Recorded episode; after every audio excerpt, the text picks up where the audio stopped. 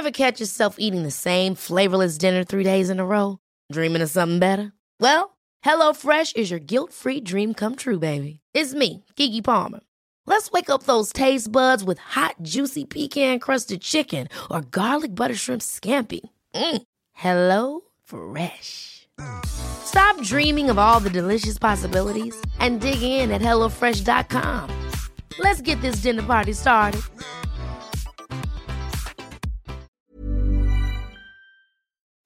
Alltså det gör lite ont faktiskt att, att veta att min, min mamma är i Ryssland just nu. Min pappa är i Georgien just nu. Han jobbar i Georgien och, ehm, och min mamma jobbar i Ryssland. Och min syster någon annanstans. Hon försöker jobba med sitt grej och försöker liksom kämpa igenom. Mm. Och jag är här i Sverige. Försöker kämpa med, med mitt grej. Men till slut vill jag att vi ska vara allihopa tillsammans i, på en ställe.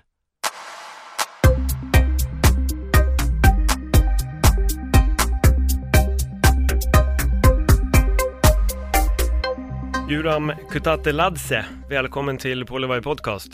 Ja, helt rätt denna gången. Var det rätt nu? Ja, det var det rätt. Ja men skönt, för jag vet att jag verkligen slaktade ditt eh, efternamn under hela Superior Ja, Challenge-galan. och... det, ja. det är lugnt. Man, eh, man vänjer sig till det.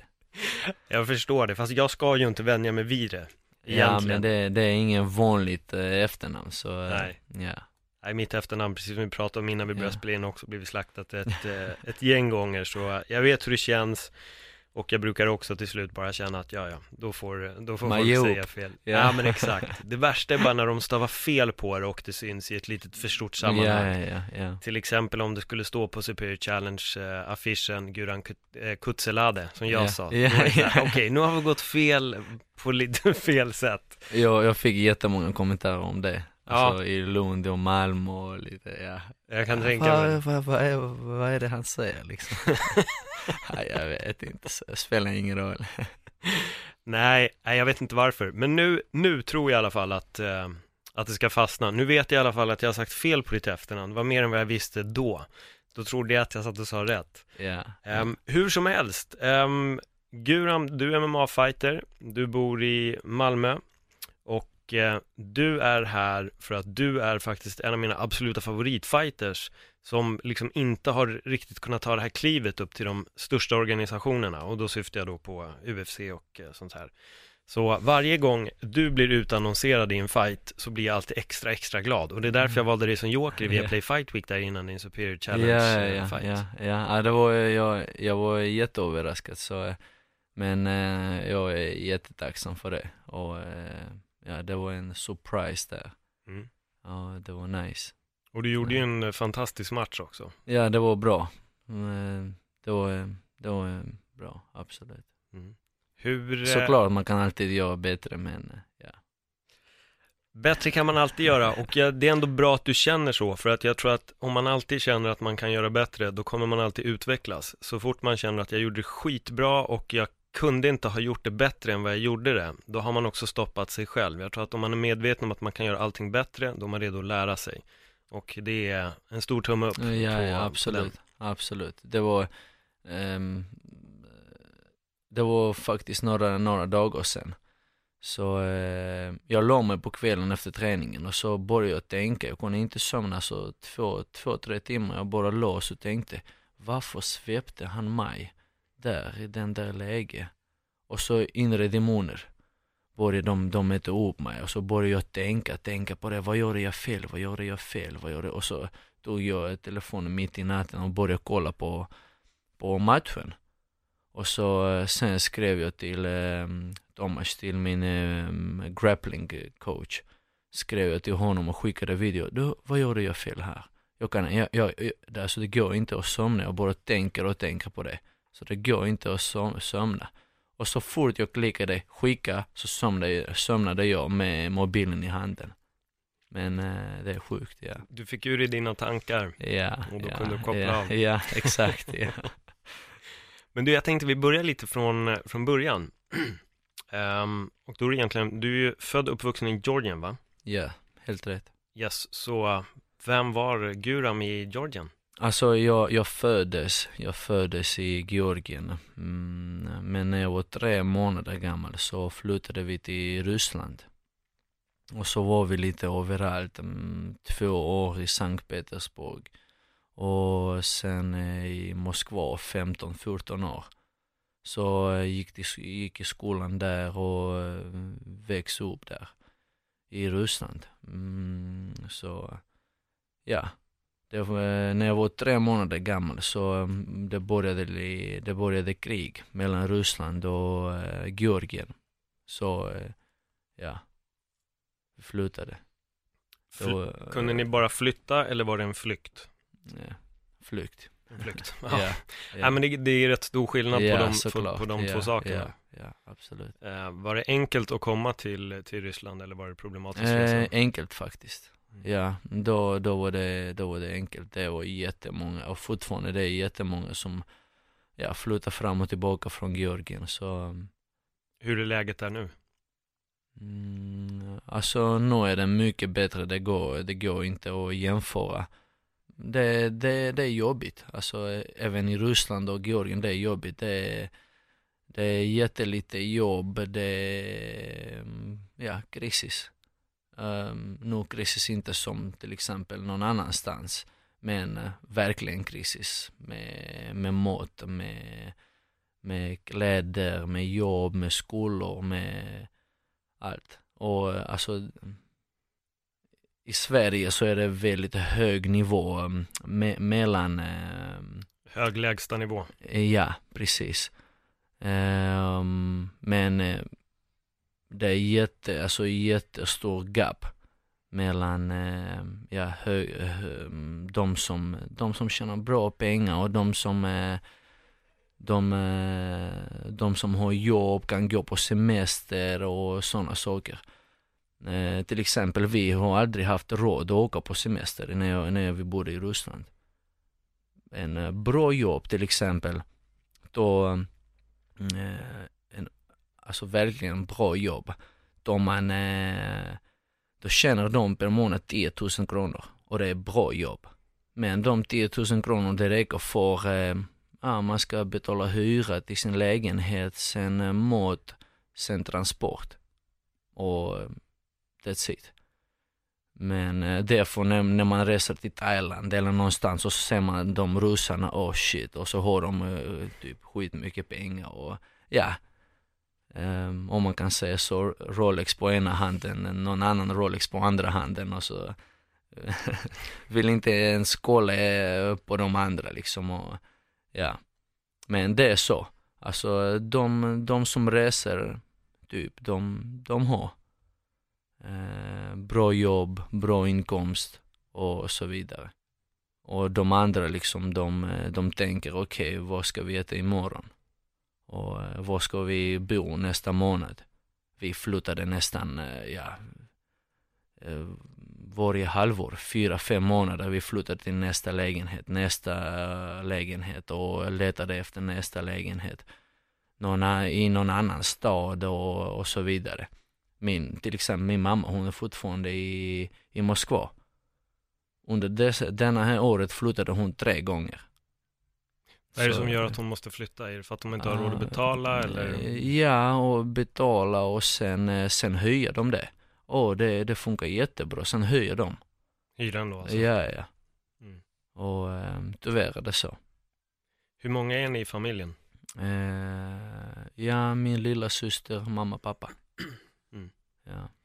Är lillasyster också, är hon kvar i, i Ryssland eller? Eh, ja, hon reser hon, eh, hon pluggar och um, hon jobbar och försöker liksom, uh, uh, ja, hon fick mest hjärnan, jag fick inte det så, ja. Hon fick IQ och du fick fighter IQ? Ja, exakt. upp det där. Ja, exakt. Hon försöker också kämpa och uh, hon har varit i Eh, hon försöker jobba med barnen som, eh, som har eh, som har kommit precis från kriget och, eller var under kriget och, eller har eh, någon typ av eh, ja, psykologiska problem. Hon jobbar som neuropsykolog. Mm. Mm. Eh, så ja, hon är 20 år gammal men eh, hon tog, eh, hon, hon slutade skolan när hon var 16. Sen, eh, eller 15, förlåt. Som är gymnasium med allt, allt, Ja. allt. Och, liksom, kunde hon hoppa före kurser och sånt eller vad? Eh, I Ryssland, ja, gjorde hon det. Genom tester och så. Mm. Eh, Så sen gick hon eh, hon, hon har bytt skola några gånger på grund av att ja, hon vill ha starkare skola typ. De som har lite mer possibilities, möjligheter och eh, lite mer press på någonting. Ja, började hon resa var hon i Malaysia och, i några av deras camps liksom med, med flyktingar. Och så i Grekland och i lite i Singapore, i Bangladesh och eh, i Dagestan och Tjetjenien och eh, ja, i Spanien och så. Lite överallt. Med alla då som har varit krigsdrabbade nu under de Ja, senaste ja, problemen? ja, ja, precis. Som, som praktik och som, Mm. eh, som nu försöker hon ju, ja, liksom eh, öppna sitt eget skola typ. Mm. Så, ehm, så vi försöker jobba på det. Vad får du för tankar när du såg alla krigsdrabbade? Jag tänkte nu när din syster ändå jobbar med det. Ja, jag, eh, alltså jag, jag var liten när jag såg det. Och eh, jag kommer inte ihåg, men hon Nej, jag, jag tänkte ja. det som hände nu, ja, det ja. senaste problemet här från två, tre år sedan. Ja, ja, ja, ja. Ehm, ja. Hon har mycket mer information om det och hon Mm. har sett mycket mer än jag gör. Eller en, ja. Hon har mer förståelse av detta. Därför hon har sett dem, hon har, hon har varit, hon har bott med dem och liksom ätit samma mat och ja och Såklart. pratat med dem och så. Till exempel i Grekland finns det, jag kommer utanför eh, eh, Aten, eh, finns det en eh, jättestor läger med, med flyktingar som sen sprider sig i hela Europa. Så de skickar dem till Tyskland, till Sverige, till, eh, till andra länder, till Spanien och sånt. Mm. Men de samlas allihopa i Grekland. Så hon var där mellan dem, jag tror det är alltså jag vet inte men 100 000, 20 000 bara på samma ställe. Oj. Ja, ja, ja. Och eh, nu, nu pratar vi om eh, ja, sådana Ja, tält. tält, små tält. exakt. Sådana tält och sånt. Och ehm, ja, Mm. så eh, nu förstår man liksom, oj, alltså ja, om, om vi ser detta på tv så hon var där med halvår med dem liksom. Ja, ni har ju valt två väldigt olika vägar i livet, du och din syrra. Ja, ja, ja. Men jag är hennes största sponsor. Ja, det är, jag får jobba och jag får eh, liksom betala för det. Mm. För alla resor och sånt. Men nu liksom, eh, nu när hon börjat med, med sin eget så Blir det hon hoppas som vi, ja, ja, nej inte så men eh, vi hoppas att eh, det blir något. Mm. Därför, mm, det behövs ju. Det Absolut. behövs, det är små barn, det är ungdomar som, eh, och de behöver hjälp, de som är 11, 12, mamma är någonstans, pappa är någonstans, eller pappa är död i kriget liksom, och, eller sådana saker. Så eh, de är psykiskt förstörda, så eh, de behöver någonting och eh, det är så, eh, jag, jag kan inte det, men det finns så mycket, eh, så, så många sätt hur man kan hjälpa dem att utvecklas och gå vidare. Så Mm. det är, det är bra. Har du fått någon möjlighet själv att jobba med krigsdrabbade ungar eller ungdomar? Jag tänkte i, eh, nere i Malmö där du ändå håller till mest. Eh, Det är så blandat, så inte så riktigt, alltså inriktat. Men eh, jag jobbar väldigt mycket med ungdomar och med barn. Eh, Man, alltså jättesmå barn som ja, två och en halv och tre år liksom med mamma pappa, de tränar med mamma pappa och sånt. Och sen, sen uppåt. Mm. Med ungdomar i, från gymnasium, skolor och håller lite typ eh, jumpa för dem. Och så istället att, att spela fotboll eller göra någonting, jag vet inte, spela pingis och sånt så tränar vi. Typ, eller MMA eller thaiboxning eller brottning eller bara några övningar med sitt eget kroppsvikt. Men hur kom du in på de här grejerna? Nu syftar jag då på brottning, MMA och det. Började det i, i Ryssland? Jag, jag började när jag var fem och en halv, sex år gammal. Vad var det då för gren? Eh, det var jujutsu. Eh, men det är lite annorlunda här i Sverige med jujutsu, till exempel som eh, sportsjutsu kallas det för, tror jag. Mm. Och, eh, men eh, nu snackar jag att eh, det var jujutsu den som till exempel den som var i de Sakuraba och sånt, du vet i gamla Pride och, just det, just det. och, och sådana saker, den riktiga jujutsun typ. Mm.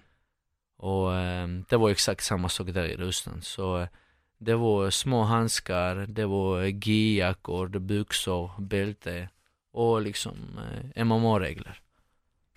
ja, ja. Hur gammal var du då du? Fem och ett halvt? Ja, sex. Och, men det var så, så många annorlunda tävlingar. Typ, eh, eh, ja. Och jag tävlade jättemycket. Vi tävlade nästan eh, varannan helg. Och tävlade vi sambo, tävlade vi fighting sambo, sportsambo, brasiliansk jiu-jitsu, grappling eh, taekwondo, karate och eh, boxning, kickboxning och, och allt möjligt. Det för de alla de där grabbarna som till exempel kommer till, eh, till eh, UFC och så. Mm. Och eh, de har, de, på pappret har de okej okay, 12 matcher liksom, men de har 600-700 matcher bakom ryggen. Det är så. Ja, ja. Jag antar att du syftar på Dagestanska exakt, tåget som har kommit in. Exakt, ja. ja. Är det är sjuk merit som mm. de kliver in med, det märks att även om de, som du säger, har ett lågt, lågt record ja, så märks det att de har lite för mycket erfarenhet. Ja, men det är så. Så ska man bygga upp, alltså mm. sina fighters om man, om man frågar mig. Eller hur? Det här kan ju anses som kontroversiellt enligt vissa. Att man börjar tävla så, så pass tidigt, som mm. du ändå säger. Eh, när gick du din första tävling? Hur gammal var du då? Ja, sex. Sex år? Ja, ja. Jag gick, eh, jag gick min första match, tror jag, två månader efter jag har börjat. Alltså mm. första tävling, inte match, tävling.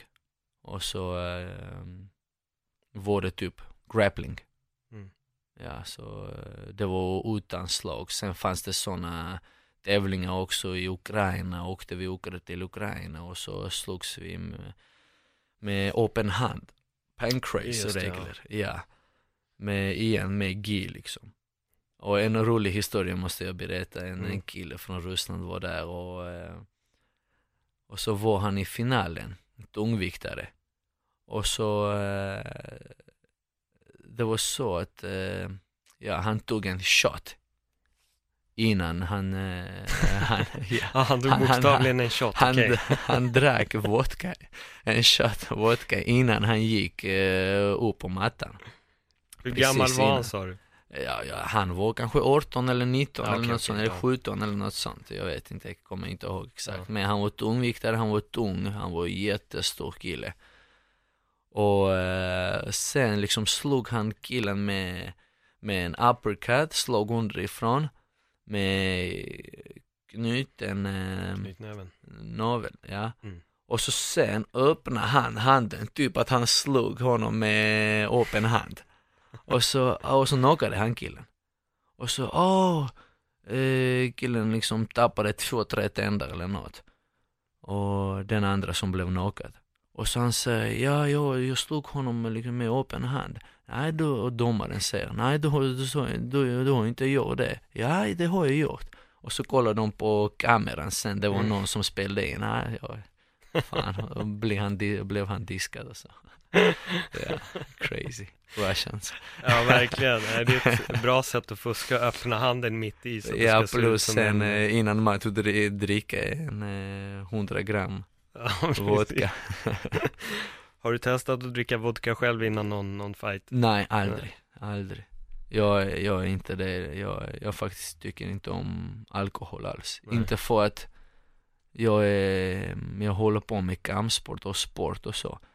Jag tycker det inte är och gott och roligt, jag tycker det är äckligt. Jag får inget eh, taste. Nej, det är ju inte gott. Ja, alltså, alltså, det... ja, ja, ja. Och jag, jag fattar inte, till exempel när man dricker öl och sådana saker. Mm. Nu, det är jättevarmt ute och så folk sitter och dricker öl. Jag, åh, kan du dricka öl? Oh my god, det är ju hästkiss typ. Jag håller med dig, alltså, jag, det är faktiskt ovanligt för, för jag gillar ald- jag har aldrig gillat öl. Alltså, jag har verkligen ja. aldrig gillat öl. Jag har druckit det liksom, jag har aldrig Ja. gillat det. Men folk som är såhär, fan vad gott med en kall öl. För mig är så här, fan vad gott med vatten. Ja, ja, Kallt ja. vatten och när det är med varmt. is och det är jättegott, absolut. Exakt. absolut. När bestämde du för att eh, lämna Ryssland? Och eh, vad var det som gjorde att du hamnade i Sverige? Jag började ju när jag var sex, sen, ehm, sen eh, fortsatte jag, min mamma försökte liksom, ah, efter första tävlingen, hon tyckte att det var inte, ah, hon vill inte att jag ska hålla på med detta. Hon var kanske lite rädd eller lite orolig. Så hon tog mig till hockey, hon tog mig till basketboll, hon tog mig till eh, fotboll. Och nej, men jag tyckte inte om något annat. Och innan dess, när jag var två år gammal, så gick jag till, eh, gick jag på eh, gymnastik. Så jag höll på med gymnastik i ett eller två år innan jag började med kampsport. Och, eh, men, eh, ja, jag tyckte, nej, det var inte, det var inte roligt. Så kom vi tillbaka till klubben igen och eh, in på mattan. Så eh, sen, ehm, sen var det lite fortfarande ehm, upphetsat, kan man säga så, i Georgien. Med krig och så. Så de fortfarande håller på lite med Ryssland och um, ja, man hörde lite, ah, det är inte safe där och eh, Ja, och så väntade vi, väntade vi. Och sen när jag var, när jag var 14 eller 15 tror jag, så åkte vi mm, under sommaren. Bara för två, tre veckor. Och eh, jag var liksom, nu glömde jag min egen, mitt eget språk, georgiska. Så glömde jag det. Och jag var liksom, jag vet inte hur det såg ut i Georgien. Jag vet inte, alltså vem jag har, alla mina släktingar är där ju, alla mina kusiner och mm, ja men eh, jag vet inte hur det såg ut där. Så eh, ja, jag och pappa åkte dit tre veckor. Jag tyckte det var skitkul. Alltså det var så nice.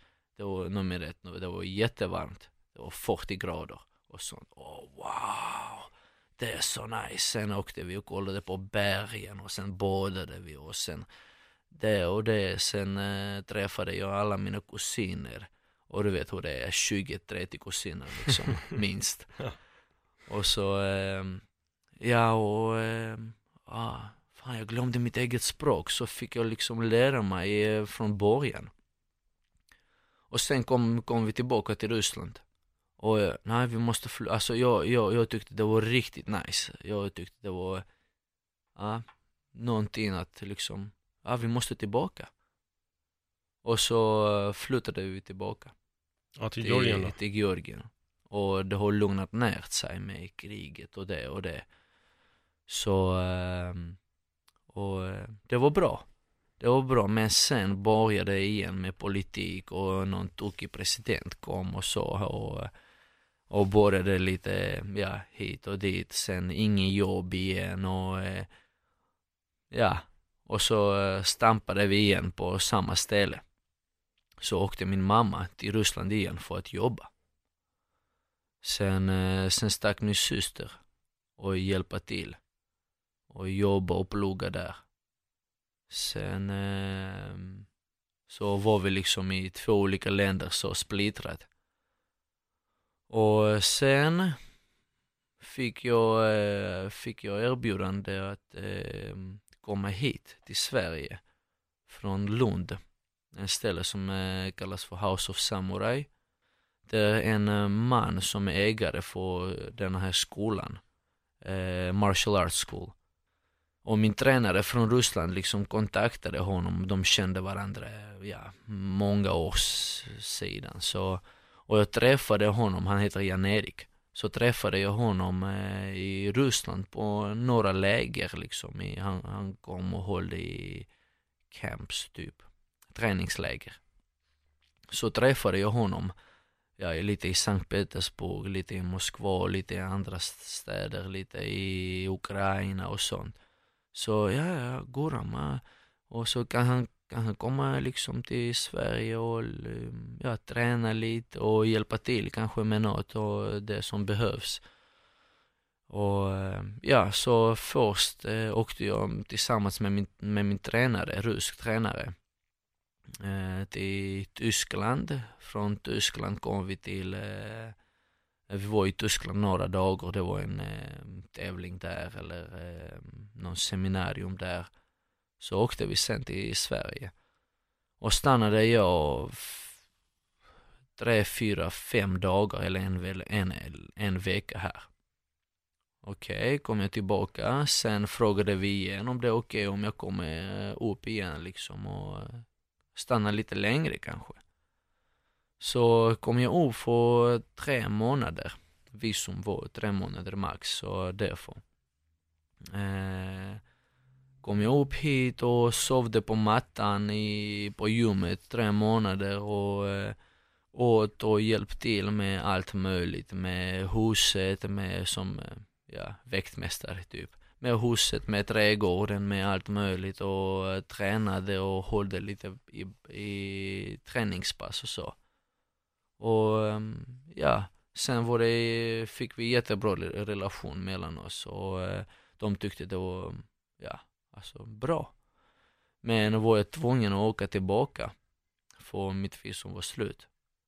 Och väntade jag tre månader um, i Georgien och åkte jag tillbaka hit igen.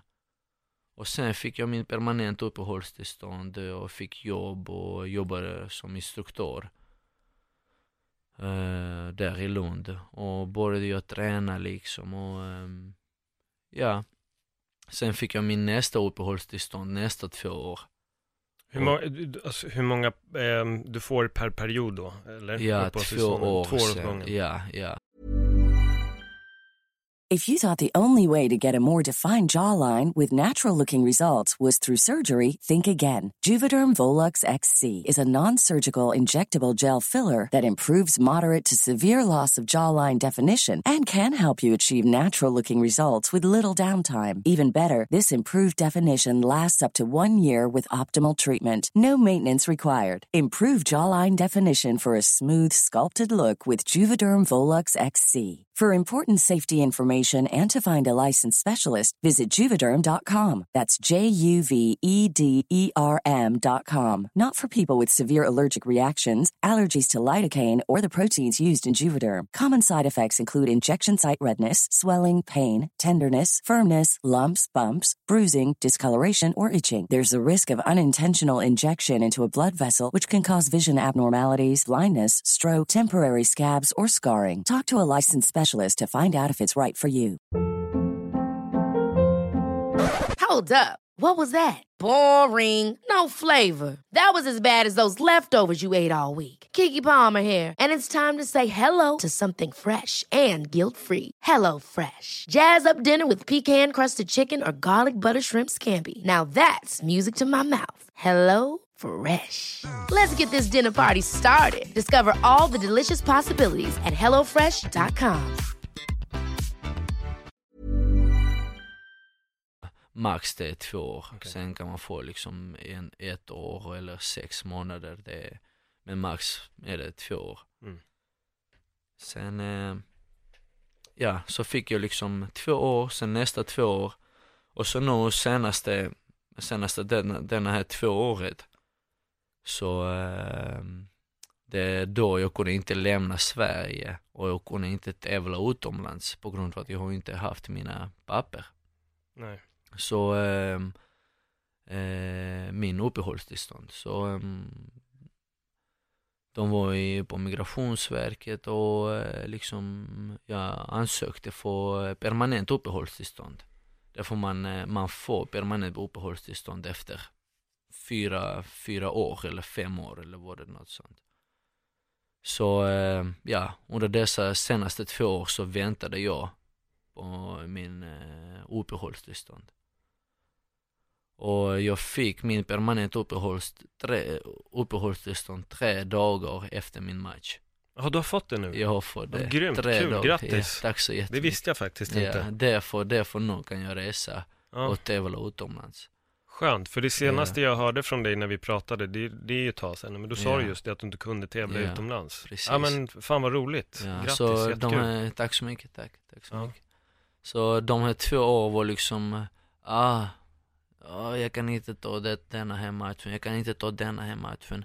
Så jag tog allt möjligt i Sverige, men det är också, det, det är inte lätt att hitta liksom, Nej, det produceras Ja, lite för lite MMA ja. i Sverige. ja, ja, så, ehm, men till slut gick det bra. Men vad, vad händer nu då, då? Nu har du ditt uppehållstillstånd och eh, liksom, nu, nu öppnas ju jättemycket dörrar. Nu har du ju möjligheter att kunna fightas i fler organisationer. Jag Ja. älskar ju Cage Warriors, de var i Mm. Sverige men du Ja. fick ingen möjlighet där. Ja. Har du kontaktat den organisationen? Ehm, just nu, just nu eh, den eh, kommande matchen som är i 21 september Mm.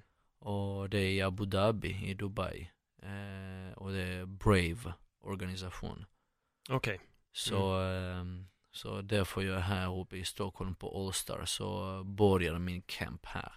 hur tycker du att träningen särskiljer sig från eh, Allstars och eh, ja, Malmö där du är? Um, Allstars är väldigt rutinerad eh, klubb. De, eh, de har väldigt mycket proffsfighters, de har jättemånga amatörer. Eh, de har jättemånga um, fighters som kommer från um, alla möjliga länder Mm. till Stockholm, till Sverige och stanna till exempel på Allstars eller eh, stanna någonstans, någon annanstans i Stockholm och bara för att träna liksom på Allstars. Så ehm, det, det är väldigt hög kvalitet. Väldigt hög kvalitet och ehm, ja, man kan jobba med allt möjligt. Man kan jobba, vill man bli duktig på BI så man kan bli jätteduktig på BI. Nu snackar vi eh, world, world highest level. Typ. Allan Finfo är Exakt, exakt. Och Mattias är där och eh, Bruno Mattias och Allan, ja såklart. Så um, blir man duktig på boxning, blir man duktig på thaiboxning, blir man duktig på MMA, man har alla möjligheter. Så eh, ja. Men i Malmö som, som kanske du vet, så är jag inte längre på Redline. Nej, det visste jag faktiskt inte. Ja, så Okej. jag, jag är inte längre på Redline så jag följde min coach eh, Micke, han, eh, han eh, lämnade Redline några år sedan Mm. och eh, ja, till slut så följde jag med. Och eh, han, han, han, han tog över den här rollen som typ min pappa här i Sverige, det kan man säga så. Och eh, det, det är helt annat relation Mm. vi har. Det känns lite Ehm. TJ Dillashaw och eh, Dwayne Bang Ludwig mellan er två faktiskt. Ja, ja, Ni ja. verkar ha hittat en så här bra, ja, Ja, men en, en så här familjär känsla mellan er två. Så ehm, det var jättebra där. De, de är jätteduktiga och eh, duktiga coaches och eh, duktiga träningskamrater och så. Och, Ibland måste man vidare och har man en coach man absolut. har klickat med då, absolut, då kan det absolut, vara värt att åka. absolut. Men var tränar ni nu då när ni är i Malmö? På Malmö Muay Thai hos eh, Larry Lindvall. Hur är det att träna med, med Larry? Det är bra, det är bra. Jag, jag måste berätta en sak också. det går lite eh, rykter kan man säga så i, i Malmö. Alltså, när jag kom bara hit till Sverige så var jag helt galen. Och du vet, jag vill bli bäst, jag vill bli bäst och liksom gick i, på alla möjliga klubbar och jag ska sparas, jag ska sparas med alla. Och så kom jag till Malmö Muay Thai och så går jag till, eh, först slängde de in mig i ringen. Du vet, och så kastar de in en kille, så sparas jag med honom. Sen andra killen, sparas jag med honom. Tredje, fjärde, jag tror tio eller eh, tolv killar. Och så, sen kommer jag ut från ringen och så går jag till Larry. Du Larry, vi sparas. och så sparades vi. Och, då, och nu, han, han är mycket yngre än jag är, han slår och sparkar mycket hårdare än jag gör. Men, men jag krigade, jag krigade på och så hela klubben har stannat och så kollat på oss liksom, vad fan håller de på med? Eller han, jag menar jag. jag fick några hårda low kicks men eh, ja. Ja, nu det var bra, det var bra historia där. Nu är du, nu är du på hans klubb så han har i alla fall accepterat ja, dig. Ja, ja, ja, exakt. Ja, ja men eh, de är jätteduktiga. Den som eh, gäller stående biten, eh, de har riktigt bra killar. De har brasiliansk jujutsu också faktiskt. Duktiga killar där också. Så sen kör jag med två av mina kompisar, eh, de har öppnat sin egen klubb. Limitless Malmö, de har brasiliansk jujutsu där. Så Thomas och Bobby Andersson. Så eh, de är också väldigt duktiga så eh, de hjälper mig med träningen på allt som gäller marken och brottningen och så. Vad skulle du säga är din, din tuffaste match som du har gått? Finns det någon match som har stuckit ut för dig där du verkligen har känt, okej det här var mycket tuffare än vad jag hade förväntat mig? Jag, jag har haft i mitt liv några sådana matcher, men det var i thaiboxning. Där, eh, där grabbarna var på helt annat nivå. Jag kämpade, men jag förlorade matchen på, med poäng och så. Jag fick liksom stryk, men jag gav liksom också mm, ja, bra smällar och det var liksom eh, nästan jämnt och så. Men, eh, men de var helt annat nivå. Men exakt efter sådana matcher när det är jävligt tufft så trappar man upp. Efter en vecka eller nästa dag när man kommer på gymmet, allt känns helt annorlunda. Och det är liksom, det är det man brukar, man brukar prata om, ja, steget i livet. Tänka gå liksom, eh, ja, ingenting händer, ingenting händer, sen händer någonting helt plötsligt och så trappar man upp och så är man på, eh, kommer man upp till nästa trappan. Sen ingenting händer, ingenting händer, sen får man en sån match. Och så nästa. Och i MMA här i Sverige som eh, grejen är att eh, jag har inte fått en sån, ehm, ja som du sa liksom. Nej, eh, precis, inget sånt tufft, tufft, Ja, tufft, tufft motstånd. Ja, tufft, tufft, tufft. Men grejen är att jag försöker hålla mig vaken. Mm. Och till exempel, okej, den här matchen gick så. Jag förlorade den här matchen till exempel i Sverige. Jag förlorade den här matchen, men det kommer aldrig hända liksom. Varför händer det? Därför jag gjorde den, denna här misstagen, denna här misstagen och denna här. Detta var fel, detta var fel. Och det får aldrig hända igen. Hur mycket tittar du på dina gamla matcher? Eh, inte jätteofta. Men eh, jag vet att jag måste göra det. Jag hatar det. Men eh, jag vet att jag måste göra det. För att påminna mig själv om saker. Om dåliga saker, om bra saker. Jag brukar kolla ibland. Vad tittar du efter hos dina motståndare? Nu tänker jag när dörrarna stängs och matchen är igång, vad, är, vad, vad tittar du efter? Nu pratar du om matchen, själva matchen. Rent i matchen, för att Mm. jag, jag, alltså din, din senaste match som du gjorde på Superior Challenge, Mm. så när man tittar på när du avslutar honom så ser man att du har fokus på att hakan kommer komma upp på ett visst sätt. Du laddar ditt slag men du skickar inte förrän det är rätt stund Mm. och skickar det. Du är laddad men du väntar. Vilket jag tycker är intressant. Många skickar och så prickar de därifrån men du, du, du väntar och sen sätter du den helt klockrent. Ja, ja. Så jag undrar lite vad du söker efter. Vad, vad, vad tittar du efter för luckor när en match väl är igång? Vad tittar du efter i din motståndare? Hur analyserar du honom? Alltså, um, man kollar ju lite innan, innan man träffar den här människan så kollar man på lite hans matcher. Sen är det mina coacher, mina tränare som kollar på det också. Och jag litar på dem 100%. Till exempel Micke, Micke Cederhoff går igenom alla matcher, han kollar på alla matcher. Sen är det Thomas och Bobby går igenom också saker så man vet lite var man har den här killen. Eh, sen är det, min pappa är också jättestor del i min fightingkarriär. Så eh, han studerar dem riktigt, riktigt, riktigt mycket. Sen kollar jag dem liksom lite, lite också. Så innan man steger in, kliver in i buren så har man någon, någon koll. Och ehm, sen när dörrarna stängs så såklart. Man måste vara på tårna, man måste bli fokuserad, man måste liksom eh, hålla sig skärpt.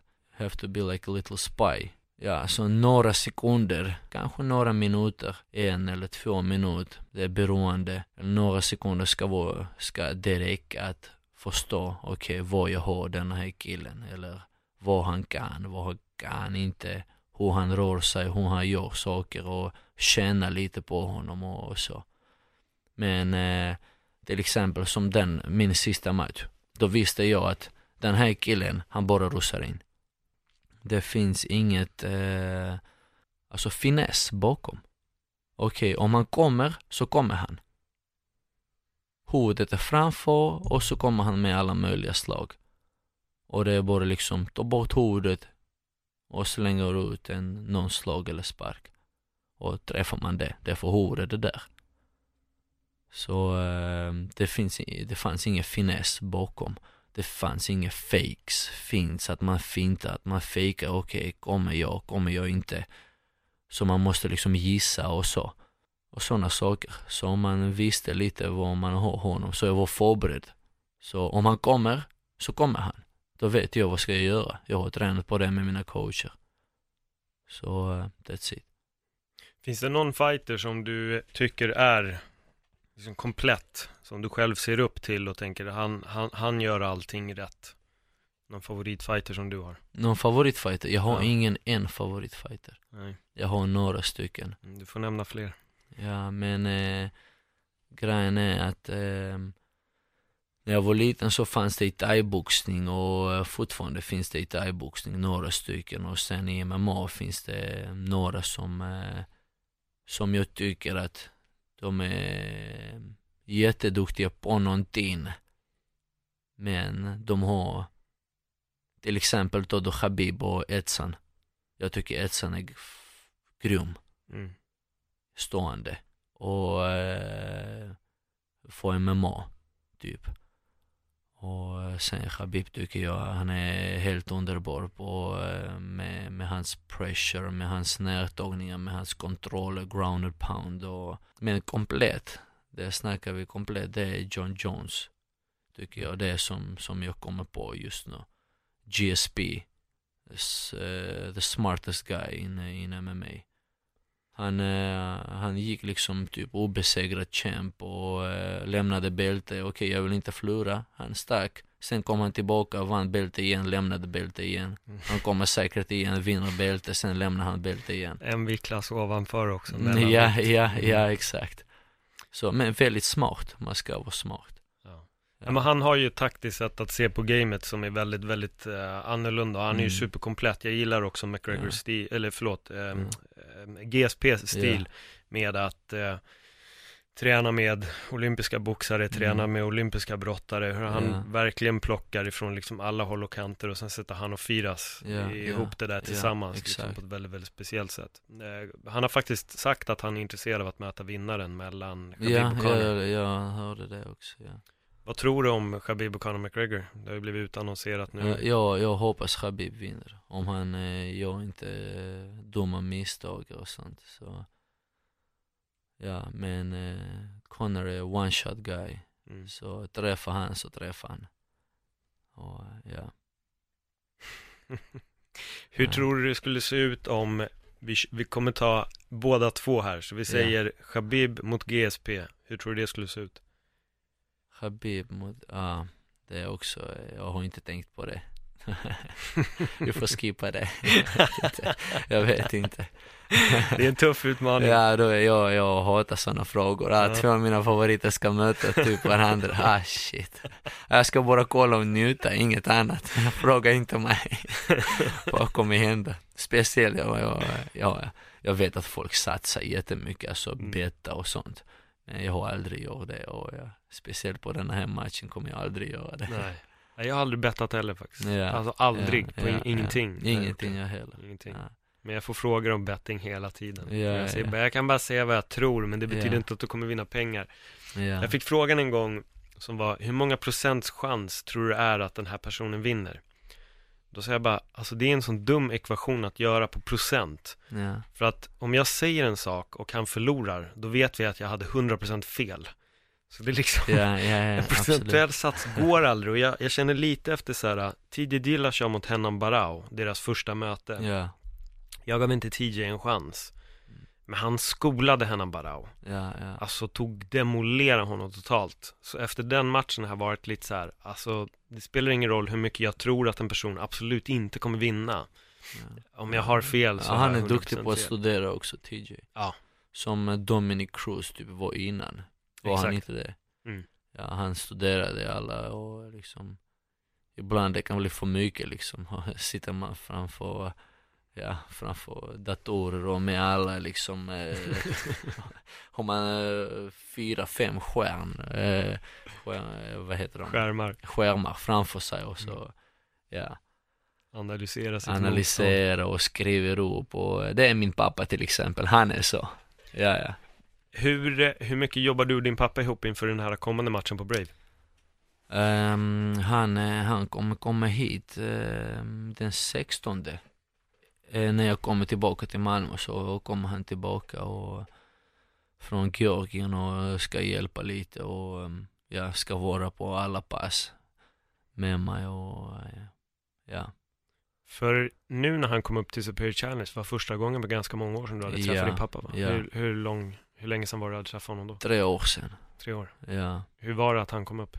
ja det var underbart. Ja, det var helt underbart först liksom att jag träffa honom. Sen eh, som gamla tider, han hjälpte mig med, med träningsprocessen. Med förberedelse och allt, allt möjligt.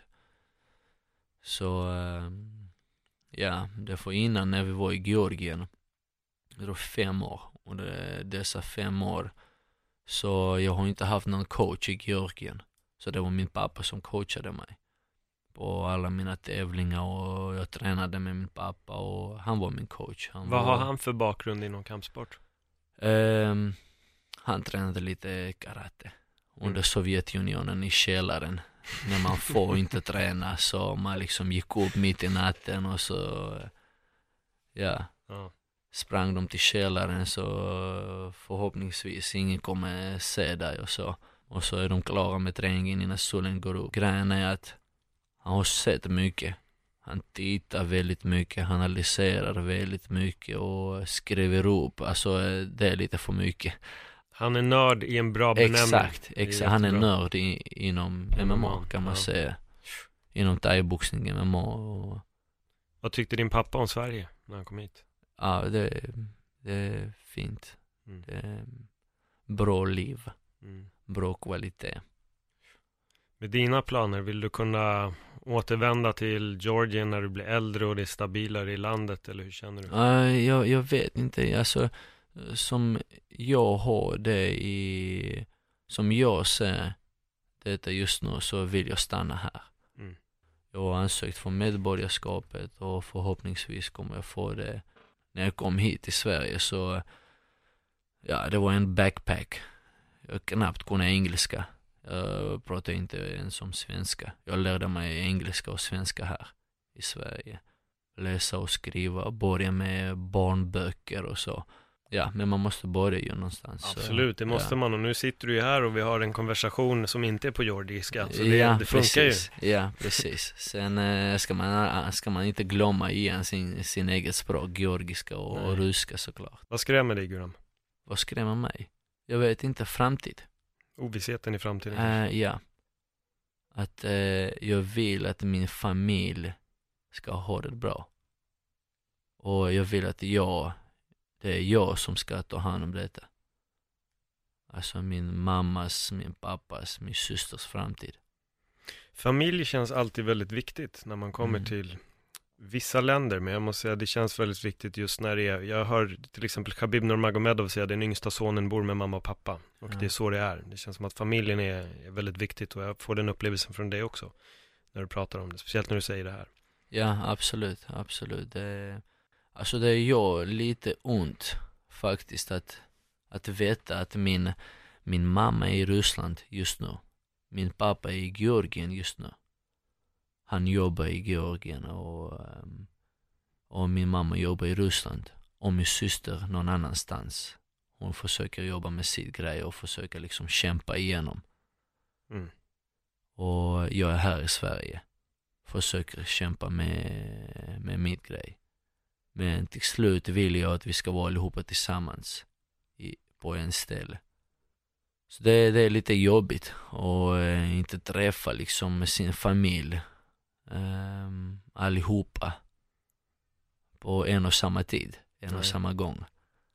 Så eh, jag verkligen förstår inte det när folk har möjlighet att träffa sin mamma eller pappa eller sin syster varje dag eller varje vecka och att man inte uppskattar det.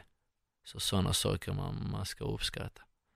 Jag tror att många gånger när man har familjen väldigt nära så tar man den också väldigt, väldigt för givet. Mm. Eh, vilket gör att man också tror att de kommer finnas där imorgon. Ja, ja, Medan när man kanske har varit tvungen att lämna någonting på grund av en stor, stor kris, då vet man att man kan aldrig ta familjen för givet, för Ja, man vet inte vad som händer imorgon. ja. Det är en annat sätt att se och ett mycket finare sätt att se som du har, att du ändå Mm. vill kunna ha din, din familj nära. Ja, så eh, ja, jag vill att eh, min, min mamma till exempel, hon kan svenska. Mm. Hon kan läsa, hon kan skriva, hon kan prata svenska. Hon förstår allt. Hon lärde sig i Ryssland. Gick Mm. på kurser och sånt. Ja, så vi får se. Vi får Mm. se. Resan börjar nu i Brave i alla fall och nu har du ju ett uppehållstillstånd som gör att du faktiskt kan åka utomlands och Ja. fightas för första gången på väldigt länge. Ja, Så nu öppnas ju många, många dörrar upp. absolut. Hur kommer du att, eh, har du någon struktur eller plan för hur du kommer att liksom ta dig vidare i din egen MMA-karriär? Det, jag litar på det liksom, eh, jag litar på min manager i det. Han är på Allstars, det är Majdi Mm. som, eh, som tar hand om det. Det är han som pushar mig fram med mina matcher och eh, han som hittar matcher, hittar motståndare och det är, det är så mycket jobb. Det, det är helt sjukt. Ehm, några vill inte fightas och några liksom, ah inte, jag vill inte möta honom, jag vill inte möta honom, ah inte i denna här organisationer. Och jag vill slåss med honom men eh, inte med bälte liksom och ah, inte för de pengarna och ja, så den här matchen sen, eh, sen får vi se. En av mina gamla coacher som sa i fighters liv är det så att okej, det är datumet, är det 21 september. Det som händer efteråt, jag vet inte vad som kommer hända efteråt. Ja, vi håller Ja. tummarna för en, eh, för en ljus framtid i alla fall. Ja, ja absolut. Det gör vi. Absolut. Och återigen, du är verkligen en av mina favoriter som inte har liksom kommit utanför den svenska lilla sfären. Men nu är papperna lösta, du är fri att fightas, du har din första fight 21 september Helt utomlands. Ja, jag är super, super taggad. Guram, om du får, ehm, om du skulle kunna ge, om det finns någon som är lite i dina skor för några år sedan, vad skulle du ge för råd till den personen som kommer från ett annat land och har de drömmarna som du har idag? Vad skulle du ge för råd? Som, som alla andra säger, som alla andra brukar säga, liksom kämpa vidare. Jag har kommit hit utan att, att, eh, att jag visste språket eller jag kände ingen, ingen ju. Jag känner ingen här. Det är bara att kämpa och det kan vara jättejobbigt och eh, det kan vara svett och blod och tårar som man brukar säga. Men eh, det är bara att gå vidare och eh, pannben som man brukar säga. Ja, ja, ja. så eh, efter dåliga saker kommer hända bra saker, men man måste ha tålamod. Man måste vara denna person som vill lära sig. Lära sig nya saker. Tålamod och öppet sinne. Exakt. Guram, tack så jättemycket för att du kom hit och delade med dig av din historia. Tack Eh, själv. jag tror att du kom hit och kände ingen, men jag tror att i dagsläget så är det fler som känner dig än vad du känner folk i Sverige. Ja, faktiskt. Och, ehm, ja, det kan man säga att eh, Välförtjänat Goran, bra. Ja. Jag klappar sig på axeln också. Ja men och det Nej, behöver man alltså, göra, ja, faktiskt. Man behöver ge sig själv beröm också när man har lyckats med någonting och du, eh, du är på rätt väg i alla fall. Ja, men som sagt, always stay humble. Så, såklart, det, det finns folk som kommer, kommer inte tycka om dig och så. Men det är inte viktigast. Man ska alltid tänka positivt, man ska alltid titta framåt. Grymt. 21 september, då smäller det gott folk. Vem är det du möter? Ali Abdul Karim eller nå- något sånt var det. Jag kommer inte ihåg exakt vad han heter. Nej, det ska bli jätte, jättespännande att se. Så tack ännu en gång för att du kom hit och eh, delade med dig. Och eh, gott folk, om ni gillar podden så får ni jättegärna dela den på era sociala medier. Tills nästa gång, ha det jättebra. Hej då!